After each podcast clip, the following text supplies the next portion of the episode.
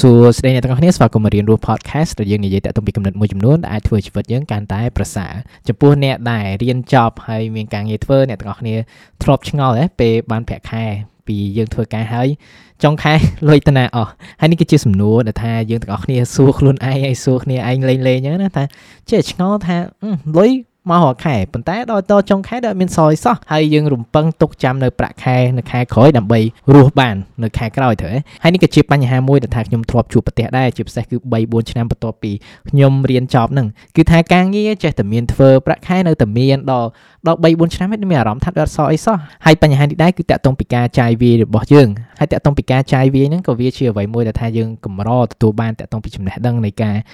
ចាយវាយធ្វើយ៉ាងម៉េចដើម្បីយើងសន្សំតើយើងសន្សំបែបម៉េចតើអ្វីទៅយើងគួរចាយមិនគួរចាយតើយើងធ្វើក្រងនៃការចំណាយរបស់យើងឬក៏ក្រងតាក់ទងពីទ្រព្យដែលថាយើងចង់មានការវិនិយោគលក្ខណៈហើយមិនត្រឹមតែដោយសារយើងមិនសូវដឹងទេគឺថា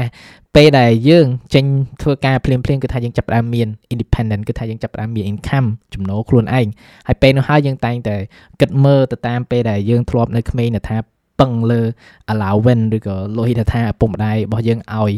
ចាយវាអញ្ចឹងពេលហ្នឹងគឺថាពេលយើងចង់ទិញអីគឺយើង បាច់ចាំស្នើសុំបាច់ចាំអីអញ្ចឹងវាជា freedom មួយហើយពេលនោះដែរយើងធ្លាក់នៅក្នុងចំណុចមួយដែលថាមានលុយចាយយើងចង់អីគឺថាយើងទិញហ្នឹងហើយនេះគឺជាបញ្ហាគឺថាយើងអត់សូវដឹងហើយមួយទៀតគឺថាតាក់ទងពីការគ្រប់គ្រងតាក់ទងពីចំណង់របស់យើងហ្នឹងហើយដល់ពេលនោះហើយគឺថាយើងទិញមួយហើយគឺយើងចង់ទិញមួយទៀតយើងទិញមួយហើយចង់ទិញមួយទៀតហើយប្រាក់ចំណូលពីមួយខែទៅមួយខែគឺថាយើងចាយអស់អស់គឺថាអត់មានសល់អីហ្មងតែពិតអាហ្នឹងគឺមិនមែនជា worst case ដែរ worst case គឺថាយើងខ្ចីលុយយើងចាយលើសពីចំណូលរបស់យើងហ្នឹងតាក់ទងពីទម្លាប់នៃលុយកាក់គឺថាវាមានអ្វីជាច្រើនដែលថាយើងគួរតែវិវត្តទៅលើប៉ុន្តែបើសិនបើយើងទាំងអស់គ្នាជាមនុស្សម្នាក់ដែលថាថ្មីតាក់ទងពីការគ្រប់គ្រងលុយកាក់ខ្លួនឯងគឺខ្ញុំ suggest ឲ្យធ្វើទម្លាប់នេះទៅថាវា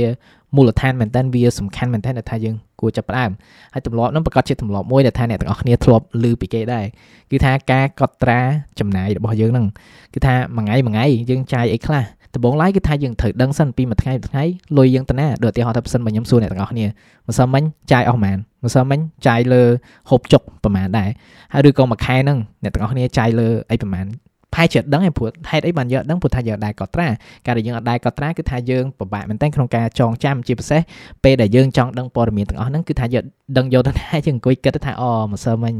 ធ្វើអីខ្លះធ្វើអីខ្លះហើយជាពិសេសគឺថាការចងចាំយើងក៏វាអាចពេញលេញដែរតាក់ទងពីការចាយវារបស់យើងហ្នឹងអញ្ចឹងប្រវងឡើយគឺអ្វីដែលសំខាន់គឺថាយើងកត់ត្រាហ្នឹងការដែលយើងចាប់ផ្ដើមកត់ត្រាគឺថាយើងចាប់ផ្ដើមមាន awareness យើងចាប់ផ្ដើមដឹងពេលណាដែលថាយើងចាយដូចឧទាហរណ៍ថាប៉ះសិនមកពេលហ្នឹងខ្ញុំចូលហាងកាហ្វេខ្ញុំទិញកាហ្វេមួយគឺថាខ្ញុំបានកត់ត្រាថាអូពេលហ្នឹងខ្ញុំកំពុងចាយព្រោះថាពេលដែលយើងអត់ចេះកត់ត្រាថាមួយថ្ងៃលុយចេញលុយចូលគឺថាយើងដឹងថាលុយចេញលុយចូលប្រហែលមួយថ្ងៃហ្នឹងយើងចាយប្រហែលដងអីប្រហែលដងហើយការដែលយើងចាប់ផ្ដើមមុននឹងចាយវាអីមួយយើងកត់ត្រាវាទុក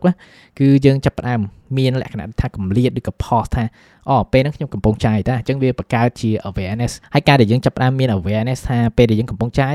គឺវាបង្កើតជាទម្លាប់មួយឲ្យកាន់តែល្អទៀតគឺថាយើងចាប់ផ្ដើមសួរថាអូខ្ញុំគួរចាយលើហ្នឹងអត់ព្រោះពីមុនអយើងចង់ទិញអីគឺទិញទៅត្រូវប៉ុន្តែ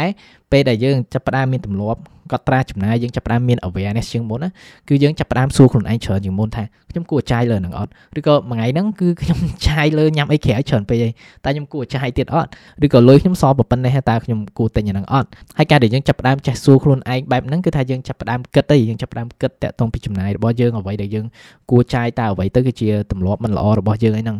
ហើយពេលដែលយើងកត់ត្រាក្នុងរយៈពេលយូរដូចឧទាហរណ៍មួយខែឬក៏ពីរខែអញ្ចឹងគឺយើងចាប់ផ្ដើមមាន តនន័យឯងជាពិសេសបើសិនមកអ្នកទាំងអស់គ្នាកត់ត្រាដូចជានៅក្នុង database ឬក៏នៅក្នុង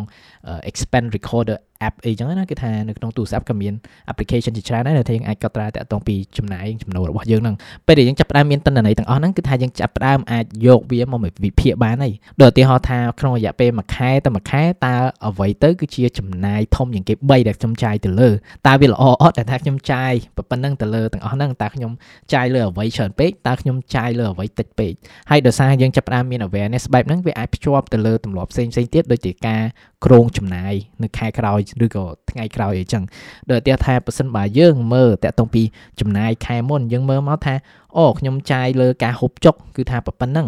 មើលមកដូចច្រើនពេក ចឹងគោលដៅខ្ញុំខែក្រោយគឺថាខ្ញុំអាចកាត់ចោលដូចឧទាហរណ៍ថា20%ចុះអញ្ចឹងនេះគឺជាគោលដៅមួយដែលខ្ញុំចង់ stick ទៅលើហើយពីមួយថ្ងៃទៅមួយថ្ងៃខ្ញុំចាប់ដើមតាមដានខ្លួនឯងហើយខ្ញុំមើលតាក់ទងពីការកត់ត្រាចំណាយរបស់ខ្ញុំហ្នឹងហើយចំពោះខ្ញុំតដល់ការយល់ដឹងបែបហ្នឹងហើយក៏ខ្ញុំចាប់ផ្ដើមកត់ត្រាចំណាយរាល់ថ្ងៃហើយនៅក្នុងឆ្នាំនេះដូចថាខ្ញុំមានប្រើ application មួយអញ្ចឹងណាគឺថាពេលដែលចាយអីមួយគឺថាខ្ញុំកត់ទុកនឹងហើយប៉ុន្តែមានពេលមួយគឺថាខ្ញុំផ្អាកជប់ប្រើវាក្នុងរយៈពេល3ខែខ្ញុំគិតថាអូ